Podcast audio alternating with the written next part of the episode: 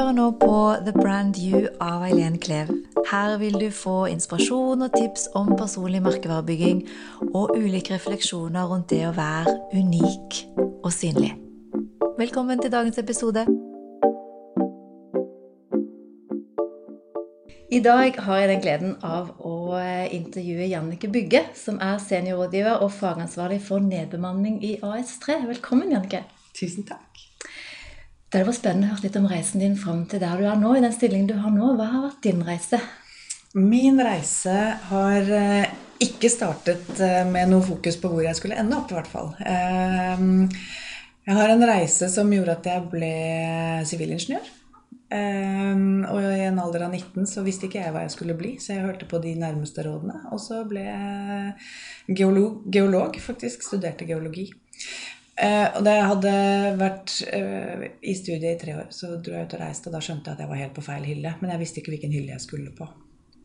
Og som karrierefokusert så tror jeg det er ganske mange som kjenner seg igjen i at eh, noen ganger så vet vi at det vi er, det er feil, men jeg vet ikke hva annet jeg skulle mm. begynne med. Så jeg endte opp med å jobbe fem år i en event, uh, i eventbransjen, egentlig. Jobbet med golfarrangementer og uh, jobbet som en løpejente for uh, fire menn som drev en liten bedrift. Og så begynte jeg i Fikk jeg to barn. Og så begynte jeg i software-salg. Så jobbet jeg i IT-salg i mange år. Så utdannelsen din har du ikke brukt sånn direkte? Aldri brukt utdannelsen min direkte. Jeg burde kunne masse om steiner og mineraler. Eh, det ligger sånn baki der, men jeg kan veldig lite om det. Det er veldig interessant, egentlig. Men du gikk fra event til salg, og nå fagansvarlig for nedbemanning? Ja. ja. Fordi jeg Gjennom salg så skjønte jeg jo Jeg jobbet i IT-salg, eller jeg jobbet i Questback, jeg jobbet med masse spørreundersøkelser. Jeg jobbet veldig tett med organisasjonsutviklere, HR-mennesker. Prøvde å komme inn og forstå deres problemstillinger for å finne ut hvordan vi skulle stille spørsmål for at de skulle lære de riktige tingene i sine organisasjoner. Så gjennom det arbeidet så jobbet jeg meg egentlig til å forstå hva det var jeg brant mest for. Og det var jo menneskene. Det var å prøve å finne ut og forstå hvorfor vi motiveres av det vi gjør, hvorfor vi lever som vi gjør, hvorfor vi blir i jobber hvor vi ikke trives. Altså alle disse parameterne som HR-sjefer og markedssjefer vred seg litt i rev seg litt i håra. Mm. Og så så jeg at jeg trivdes veldig godt med å jobbe mot HR-direktører. Så skjønte jeg at HR er veldig veldig spennende. Jeg synes det å ut finne ut av hvordan vi kan ta ut potensialet av mennesker, er veldig spennende. Og så i det selskapet som jeg jobbet i, så fikk jeg muligheten til å bygge opp HR. Mm. Så da begynte jeg å bygge opp HR, begynte å få innblikk i hva det er HR dreier seg om. Og så gjorde jeg det veldig kort, for jeg så at jeg er nok eh, det, Kanskje det hadde vært annerledes nå. Jeg hadde vært der veldig lenge, så jeg kjente organisasjonen liksom sånn i alle Visste alle hull i alle bukser. Og jeg, jeg følte at jeg, jeg var veldig tett på. Og jeg trodde det skulle være en fordel, men jeg opplevde nok at jeg var nok kanskje for tett på. Og så er jeg en veldig empatisk Jeg går veldig inn i folks situasjoner. Jeg bryr meg veldig mye om menneskene. Og det ble rett og slett litt mye for meg. Så jeg så at mm. hvis jeg skal være en fagperson og faktisk bidra med noe som er HR, så kan jeg ikke være så personlig, eller faktisk mm. privat, som jeg var da. Så da jeg fant jeg ut at uh, litt konsulentarbeid med det som fokus, det kan hende at det er bra. Mm. Og så havnet jeg her for tre år siden. For tre år siden. Mm. Og det med å tenke personlig merkevare, var det noe du tenkte på i din reise? Nei, Nei, Jeg har veldig lite tenkt personlig merkevare. Mm. Det jeg har gjort, at jeg har nok hatt en drivkraft som liksom, Det er akkurat som en sånn eh, Det er et lite frø som, som, har trengt å vokse seg sterk over veldig, veldig lang tid før jeg skjønte hva det var jeg faktisk brant genuint for. Mm. Jeg visste ikke det da jeg var 20. Og jeg vet ikke helt om jeg hadde visst det heller. Eh, samtidig så tenker jeg noen ganger tenker jeg skulle ønske at noen hadde coachet meg på hva det jeg egentlig syns er spennende å holde på med. Mm. Men noen ganger ser vi det bedre når vi har gjort det vi ikke syns er gøy. Ikke sant? Mm. Men hva assosierer du med personlig merkevare? Hva er det som kommer sånn, første som du tenker på når jeg sier ordet personlig merkevare? Jeg tenker omdømme. Omdømme. Jeg tenker hva folk tenker om meg. Mm. Og det som er litt interessant eller ikke interessant, men det jeg tenker selv, er at jeg har i grunnen ikke jeg tror ikke jeg har vært så bevisst hva folk, sånn omdømme rundt om har tenkt om meg, men jeg har vært veldig opptatt av at folk skal være fornøyd med den jobben jeg gjør. Mm. Så jeg er litt sånn prestasjonsdrevet hittil, tror jeg. Eller i hvert fall opp igjennom. Hvis jeg ser på jobbene mine, så var jeg, liker jeg veldig å drive service, da. Og det er jo litt den type. Jeg var nok en sånn serviceperson og fikk veldig mye tilbakemelding på at jeg gjorde god service. Og da gjør man jo mer av det. Mm. Så det er nok det omdømmet, det nærmeste omdømmet jeg har tenkt, men jeg har ikke vært bevisst. Nei. Nei. Det er noen ord som går igjen eh, i personlig merkevarelitteraturen, om du vil. Og det er jo bl.a. det som går på å være unik. Mm. Hva tenker du om det? Hva legger du i ordet unik? Da glemmer vi hva som definisjonen i fagbøker sier, men hva er din definisjon? Hva tenker du? Jeg tenker at jeg er ikke så veldig spesiell. Jeg er ikke så veldig unik, Nei. tenker jeg. Nei? Eh, For meg så er unik noe som er litt, eh, litt mer spesielt enn vanlig. Ja. Eh, og der tror jeg det er sånn i forhold til merkevarebygging, så tror jeg nok at jeg tenker at nei, det er noe spesielt, det er veldig kreativ. Jeg har ikke tenkt på meg selv som kreativ, morsom, eh, litt sånne ting. Altså da stikker man seg litt Ah. ut for meg. Så du tenker at når du er unik, så må du være kreativ og morsom? Skjønner du? Det er litt rart. Eller i hvert fall være noe spesielt. da, Være noe som folk tenker sånn Å ja, ja nei, det var kult. Ja, hun er litt unik. Men nå etter at jeg fikk barn, så tenker jeg jo, men vi er unike alle sammen. Mm. Bare på hver vår Altså, vi er jo unike. Mm. Vi har ulike fingeravtrykk. Vi er helt spesielle. Mm. Vi er helt egne kombinasjoner av alt vi er. Mm. Men Og vi blir drevet av forskjellige ting, liksom som du sa nå i forhold til din reise. At du plutselig nå skjønte hva som driver deg, Mm. hva som motiverer deg. Og det er jo litt den der med å finne den der Mhm. gnisten, da. Mhm. Mm. Så unik for meg er faktisk ikke et ord som driver meg til å bli mer bevisst hvem jeg er. Nei. Hva er det som Ikke driver deg til å bli mer bevisst på hvem du er? Um, Det som driver meg til det, er at jeg vet at når jeg holder på med det som jeg brenner aller mest for, da gjør jeg det også best. Mm. Mm. Så jeg vet at jeg trenger ikke å tenke på hvordan jeg skal oppleves som bra. Hvis jeg holder på med noe som jeg kjenner at dette uh, Dette gjør at jeg blir glad, Mm. da er det ikke så viktig for meg hva folk tenker. Men det er nok også fordi at jeg vet at når jeg gjør noe som driver meg, eller når jeg gjør noe som er motivert av min indre kraft, da, eller hva, Mm. mine verdier, noe som virkelig liksom resonnerer i hele meg, hvor jeg tenker ah, det var helt fantastisk, så er det ikke sikkert at noen andre syns det. Men jeg syns det. Og Mm. da gjør jeg en god jobb der hvor jeg er, tenker jeg. Mm. Mm. Så det driver meg. Men det er ganske spennende det du sier i forhold til unik. For jeg tror det er mange som nettopp tenker at merkevarebygging er ikke for meg, fordi når jeg hører unik, så gjelder ikke det meg. Da må man ha røde sko, ikke sant? ja, det blir litt- Men jeg trenger ikke ha røde sko. Nei, Det, ja, men ikke ikke. Og det er ikke sikkert at det er noen som ser at jeg er unik heller. Nei. Selv om jeg vet at jeg Det er bare meg som er meg. Mm. Et annet ord som går igjen, er eh, dette med å være perfekt. Mm. Hva kom opp for deg da, når jeg sier det? Perfekt. Jeg tror i det siste så har jeg måtte, jobbet mye med det der. For meg så er alt og ingenting perfekt. Og hva legger du i det? Og da tenker jeg eh, perfeksjonisme er noe jeg forbinder negativt. Mm. Fordi søken etter det perfekte, det gir ikke meg noen ting. Mm. Eh, fordi det som er perfekt Altså perfekt er noe sånn For meg så er det noe sånn overflatisk Mm. på perfekt. Eh, så jeg liker ikke helt liksom, uttrykket av det. Jeg vil heller bruke genuint eller ekte eller Mm. Mens perfekt det er noe litt sånn, ja, litt sånn overflatisk. Ja. Og den er jeg ikke så glad i. Mm. Så det er genuint, det er ekte. Um, nå jobber du mye med, med nedbemanning, Mm. og, eh, og der jeg vet ikke om du får spørsmålet, men jeg har fått spørsmål innimellom dette med hvordan bør CV-en se ut for at den skal være genuin? For at den skal være perfekt, da, eller for at den skal være eh, den beste? Hva tenker du da i forhold til akkurat det vi snakker om nå?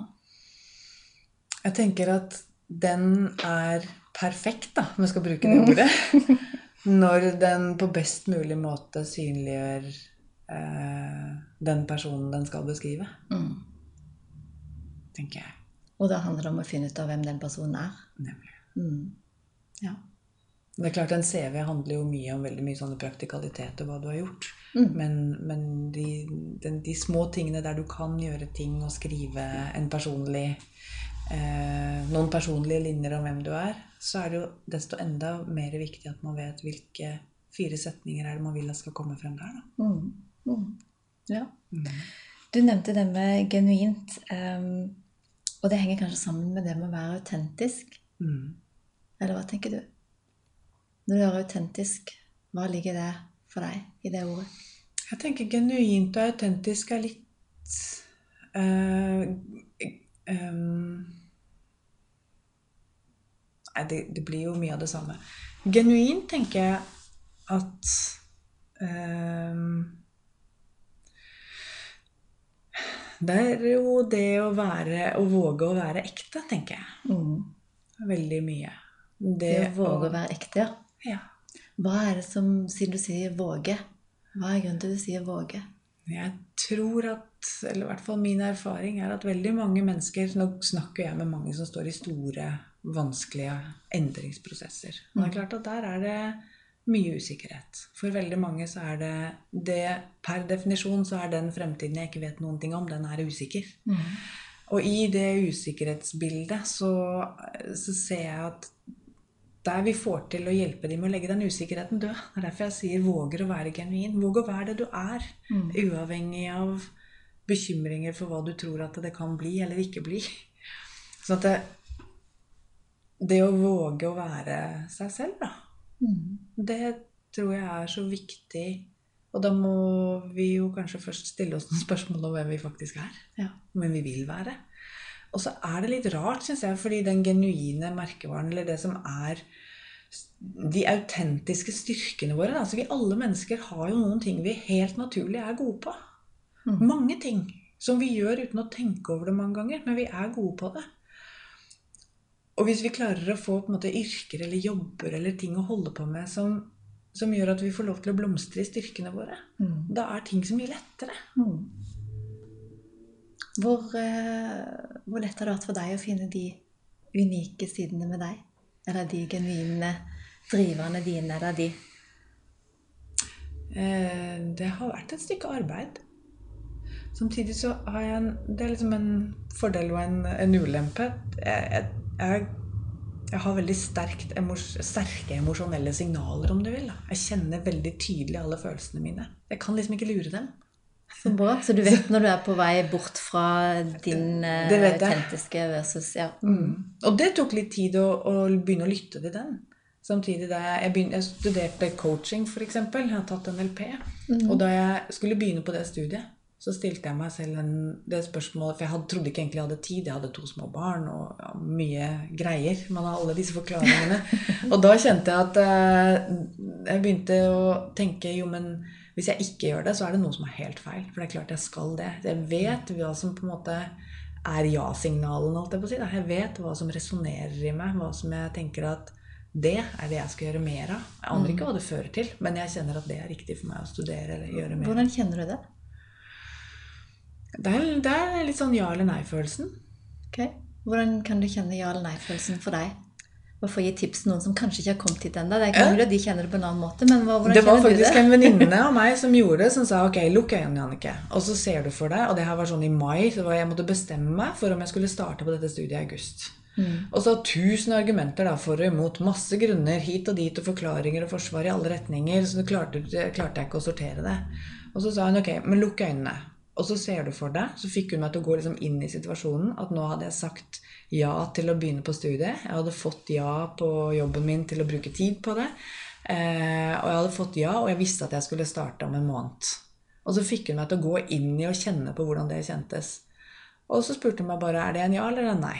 Og da var det liksom, det var helt soleklart at jeg hadde dødslyst, men jeg trodde nesten det var for godt til å være sant. Og så gjorde hun det motsatte med ok, men la oss, og så laget hun det med alle mine argumenter. Så sa hun ok, men nå er det sånn at eh, det blir ikke noe av nå. Kanskje en annen gang, men det blir ikke noe av nå. Og da bare kjente jeg på en sånn enorm skuffelse. Så det er liksom ja- og nei-testen. Jeg har gjort det mye senere også, at jeg bare setter meg helt inn i scenarioet. Bare si ok, men nå er det sånn at det er sånn det blir. Hva sier kroppen min da? Hva kjenner jeg da? Mm. Så Veldig den øvelsen er ganske fin å gjøre hvis man er usikker på valgene. Fordi jeg tror at innerst inne så vet vi. Mm. Tror jeg. Hvis vi bare våger å sette oss ned og lytte. Mm. Mm. Veldig bra. Det må være synlig. Mm. Det er jo også noe som går igjen i forhold til det. Nå skal du bygge en personlig merkevare, om du er jobbsøker eller om du er gründer, eller hva, så handler det jo da om å være litt mer synlig. Og du nevnte modig i stad, med å våge å vise. Men det må være synlig. Vi har sosiale medier, vi har andre arenaer nå enn før. Eh, på godt og vondt. Mm. Hva tenker du om det? Det å være synlig. Um, jeg tenker at vi mennesker er skapt veldig ulikt. Og noen trives med det, og noen trives mindre godt med det. Mm. Og jeg tenker at det skal det være rom for. Jeg tror ikke nødvendigvis at alle trenger å være synlige. Jeg tror mange kan drive med det de brenner for og er motivert av uten å være synlige. Og så er det synlig i forhold til hvor. Ikke sant? Du har jo dine målgrupper som kanskje er viktig å være synlig på i forhold til dine interesser, mens andre som mm. du ikke trenger å være synlig, kanskje. Så det er klart det er helt annerledes for en Kall det en ekstrovert, en som vil ut og bli gründer, en som vil skape noe. Noen har en enorm kreativitet og skaperkraft og ønsker å synliggjøre. Eller de bare kjenner at jeg har noe som jeg bare har så lyst til å dele med mange, så man trenger en synlighet pga. det. Mm. Men så har du også en hel mengde mennesker som jeg tenker at ikke skal trenge å være synlige. Hvis de ikke ønsker det. For det er helt ok å ikke ønske å være synlig. Det er helt normalt å være introvert. Jeg har lest, leste et studie for ikke så lenge siden som handlet om om alle nå skal ønske å være ekstroverte. Altså om alle nå skal Om det liksom er bare positivt at man er utadvendt. Og det, da tenker jeg da gjør vi samfunnet vårt en bjørnetjeneste. For det hadde blitt innmari slitsomt hvis alle skulle ha en plass i rampelyset. Mm, virkelig. Mm. Men det var synlig i forhold til CV. Det er jo mange som opplever det med å ha bildet sitt på CV-en som Mm. en veldig stor gå ut av komfortsonen. Hva tenker du om akkurat sånne typer synlighet? Jeg Er tenker at Der kommer motet mitt inn igjen. da. Tenker at Vi må våge å vise hvem vi er. Mm. Vi må våge å stå for hvem vi er. Enten det er en introvert eller en ekstrovert. Eh, og der kommer tryggheten. da. Fordi jeg tror det blir mye lettere å si og stå for de valgene vi tar, hvis vi vet at jo, men vet du hva? Jeg har det best når jeg kan få lov til å være sammen med familien min og gjøre min lille jobb. Eh, eller jeg kjenner at det liksom mm, det pirrer når jeg får lov til å gjøre litt mer. Mm.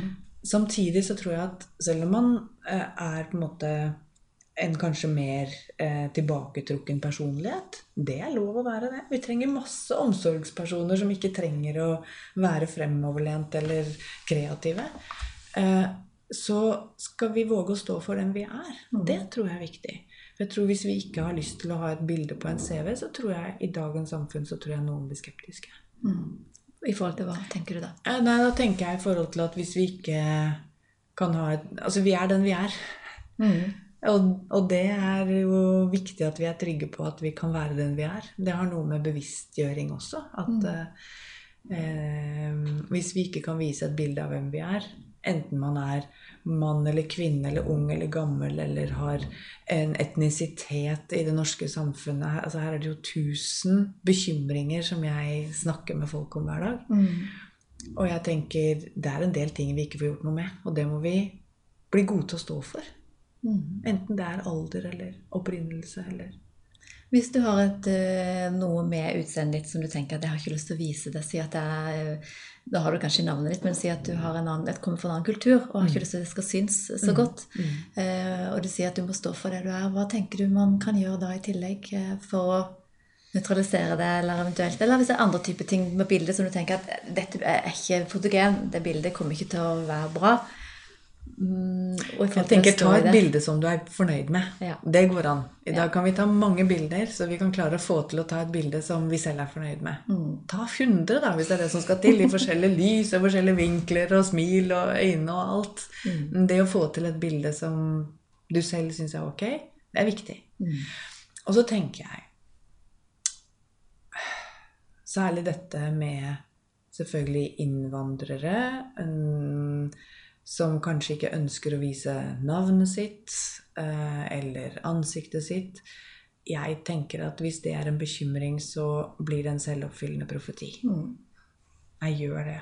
Godt poeng. Det er klart at du vil helt sikkert støte på noen rekrutterere som vil velge deg ut av bunken, kanskje. Hvis man har et rart navn eller et eller annet. Men det skal jo virkelig være den som tenker det motsatte. Den som tenker at her er det mangfold. Mm. her får jeg en kompetanse som jeg trenger, for vi skal jo bli valgt til en jobb fordi vi kan noe om det. Mm. så jeg oppmuntrer jo alle til å brenne for det de gjør. Eh, det er det som er det aller viktigste. Og jeg får alltid aldersspørsmålet. ikke sant? Er det vanskeligere å få jobb når man er over en viss alder? Det er alle disse mytene som er i samfunnet hele tiden. Og det er klart at det er noen arbeidsgivere som kanskje ikke ser etter en viss type, men det er også noen arbeidsgivere som ikke ser etter helt nyutdannede, fordi de trenger å ha litt erfaring for å kunne komme dit. Det er denne myten om at du skal være nyutdannet og, Med tiårserfaring. erfaring. Så det går jo ikke.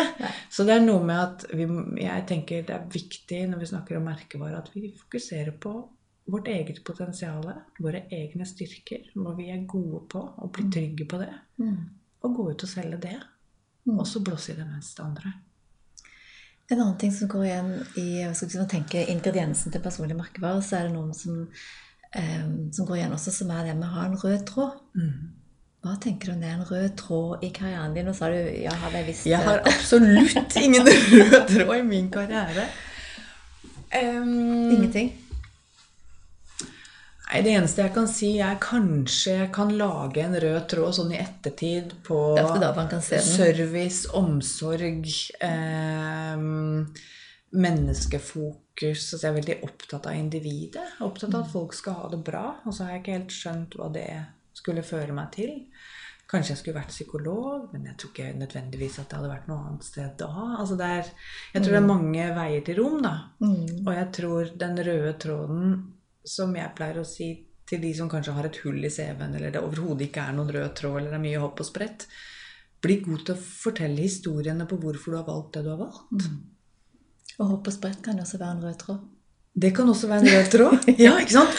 Og det kan jo gi masse forskjellige erfaringer og variasjon og gi et veldig bredt spekter av erfaring med mennesker. Mm. Så jeg tenker refleksjonen rundt det er viktigere enn hva som faktisk er det. Ja. Mm. Hvis du skulle beskrive personlig merkevare som en farge, og de ingrediensene som ligger i det som vi har snakket litt om nå, hva, hva er det første fargen som kommer opp? Den første fargen som kom opp, er rød. Rød?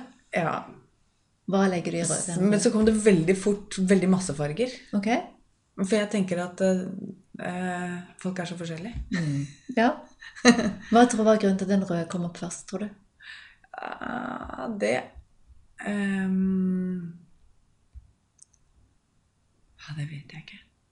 Det er nok fordi jeg forbinder det fremdeles noe med noe som skal være litt spesielt. Samtidig så vet jeg veldig godt at uh, det ikke trenger å være det. Jeg tror min personlige merkevare er litt sånn lilla. Lilla? Ja. Litt rødt i seg med mye annet òg. Ja, det er lilla. Jeg vet ikke. Ja. Ja. Vi skal beskrive det som en form. Eller symbol. Ehm, et symbol som også betyr mye for meg, det er evighetssymbolet.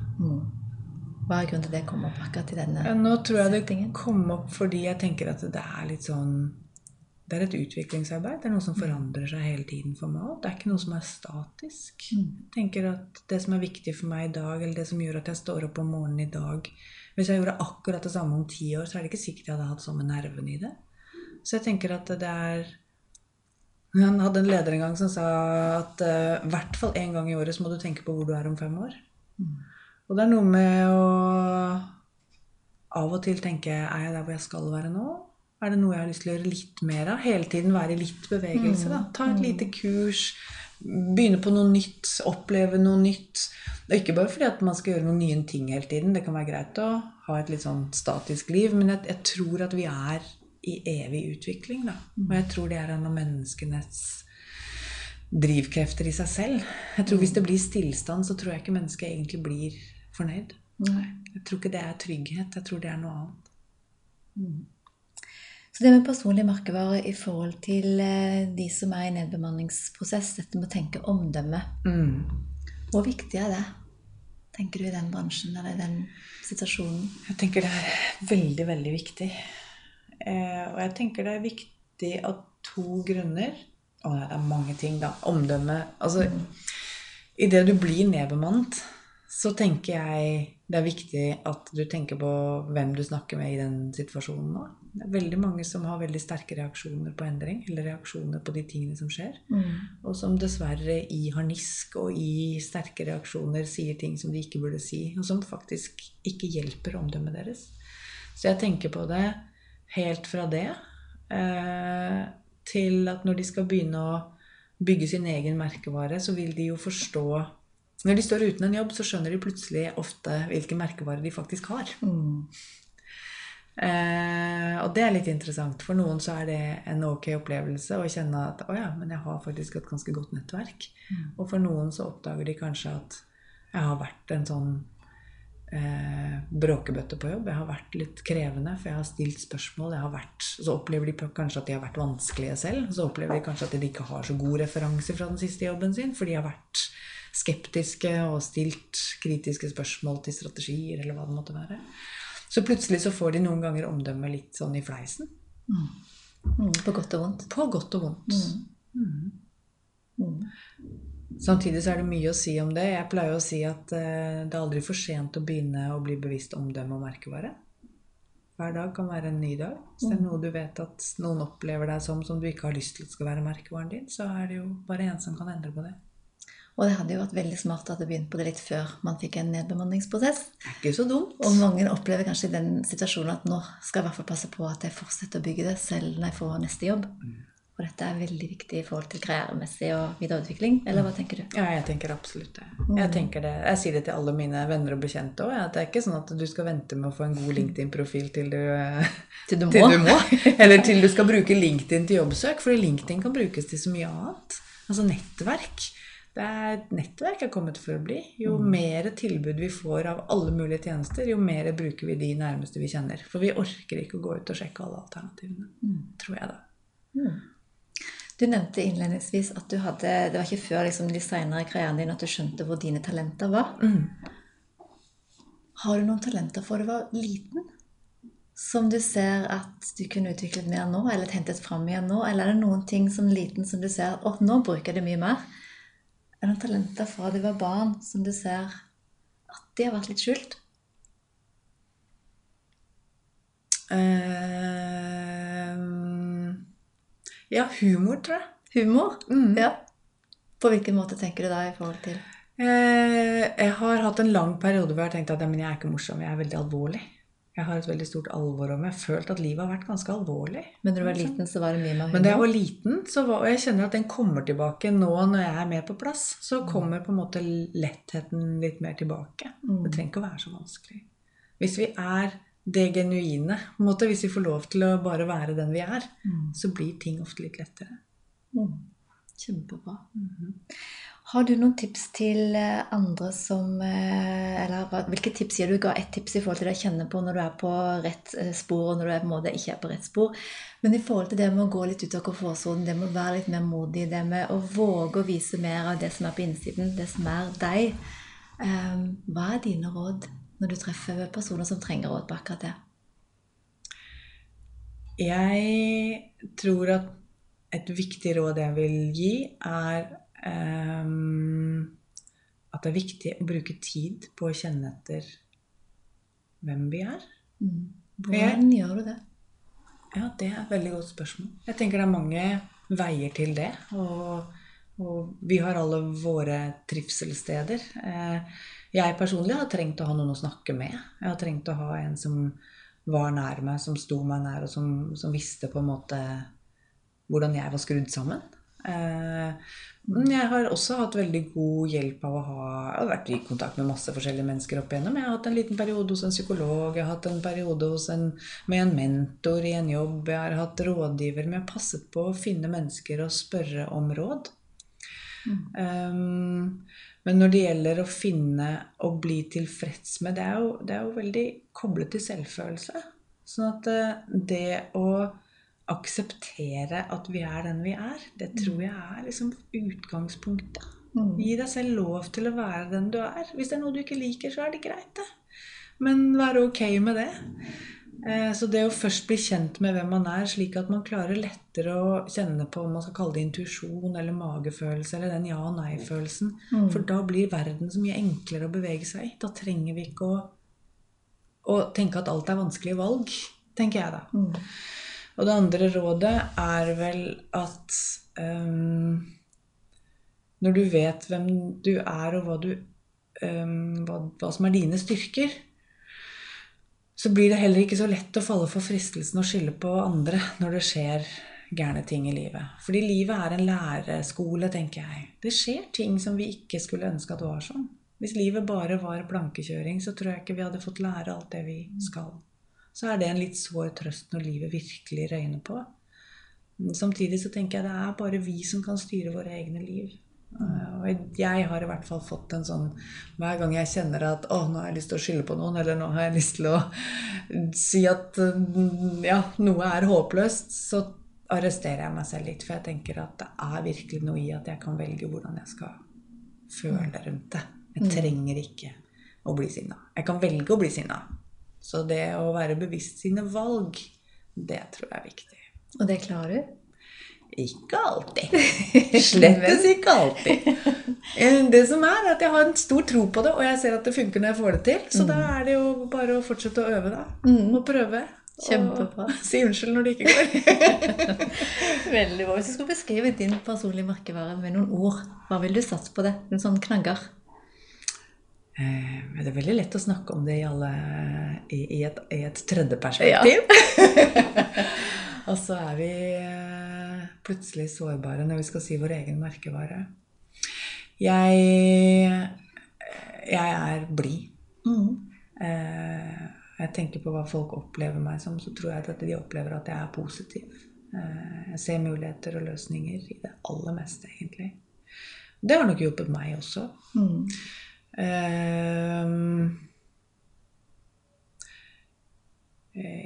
jeg tror Ettersom hvem jeg snakker med, så tror jeg nok at jeg vil få høre litt forskjellige ting. For jeg har litt forskjellige roller. Så det er klart som, som menneske så liker jeg og håper og tror at folk opplever at jeg er eh, til stede i øyeblikkene. Mm. Eh, Jeg har jobbet ganske mye med det også, for jeg tror det er viktig. da. Og det er noe som kanskje går igjen i alle rollene. Det å være til stede i, eller fall det du ønsker. Være til stede i øyeblikkene. Så det er litt sånn blanding av et omdømme og noe som jeg hele tiden strekker meg etter, og som jeg er bevisst. Eh, og som gjør at jeg også tenker at meditasjon Og det å lære å skru av og på disse knappene, eller ta av og på hatter, Ja. enten jeg er mamma eller snakker med en kunde eller snakker med en som trenger omsorg, så er det det å være til stede i øyeblikket, det er veldig viktig for meg. For det man ofte ser, er jo at man går ut og inn av roller og er litt for, tar på litt forskjellige hatter, men det er som regel noe som går igjen. Og det er kanskje for deg det å være til stede. Mm, ja, jeg Eller håper det. Ja. Ja. Er det noe annet som du har lyst til å gi oss et tips? Du nevnte meditasjon som du brukte som et, også et verktøy. Eh, var det for å være litt mer til stede? Mm. Mm. Jeg opplever at en av mine utfordringer er at det er så, det er så mye jeg har lyst til. Det er et godt tegn. Ja. Det er et godt tegn. Ja. Det er bare at eh, jeg må balansere det litt. Ja. Fordi jeg skulle gjerne hatt veldig mange flere timer i døgnet. Og så blir det fort til at jeg strekker meg for langt. Mm. Eh, og det, da handler det igjen om å sette egne grenser. Da. Det er også veldig viktig. Mm. At, eh, og det blir også lettere hvis du vet hvem du er, og hva som faktisk er viktigst for deg. Ja, og hva som er dine talenter og styrker. Hva som, hva som gjør at du virkelig føler at en dag, i dag har vært en bra dag. Når jeg gjør de tingene, så blir ting bra. Mm. Og det å sette grenser da for alt det andre som frister det er, For det er veldig mye fristelser. Det er veldig mange ting som ja, på godt og vondt frister. Mm. Um, og det å meditere har gjort at jeg har klart å ta bedre valg for meg selv, Mm. faktisk. Ja. Mm. Fort gjort i dagens samfunn tror jeg at vi føler på en sånn overveldethet. En sånn overwhelm av oppgaver, ting som står i kø av ting vi skal gjøre, og sosiale medier som viser hva alle andre gjør. Så det er veldig fort gjort å bli andpusten bare du nesten sitter og tenker på det. Bare si, Ja, men det er det. Ja. Ikke sant? Det, og så har jeg to tenåringer som definitivt er andpustne. Mm. Da tenker jeg, da er det viktig at vi lærer oss å stoppe opp. Det blir ikke noe mindre av det. Nei. Det blir bare mer. Mm. Det å stoppe opp og kjenne etter, og ikke minst finne ut hva det egentlig er. Ja. Slik at vi tar gode valg. Ja. For vi må velge bort den. ja. Og det gjelder både jobb eller generelt livet. Ja, det gjelder alt, egentlig. Kjempebra. Men tusen takk, Jannike. Det har vært en veldig spennende diskusjon og gode refleksjoner underveis, og ikke minst gode tips. Så masse lykke til videre i jobben med nedbemanning. Du gjør en veldig viktig jobb. Tusen takk. Takk for en koselig prat.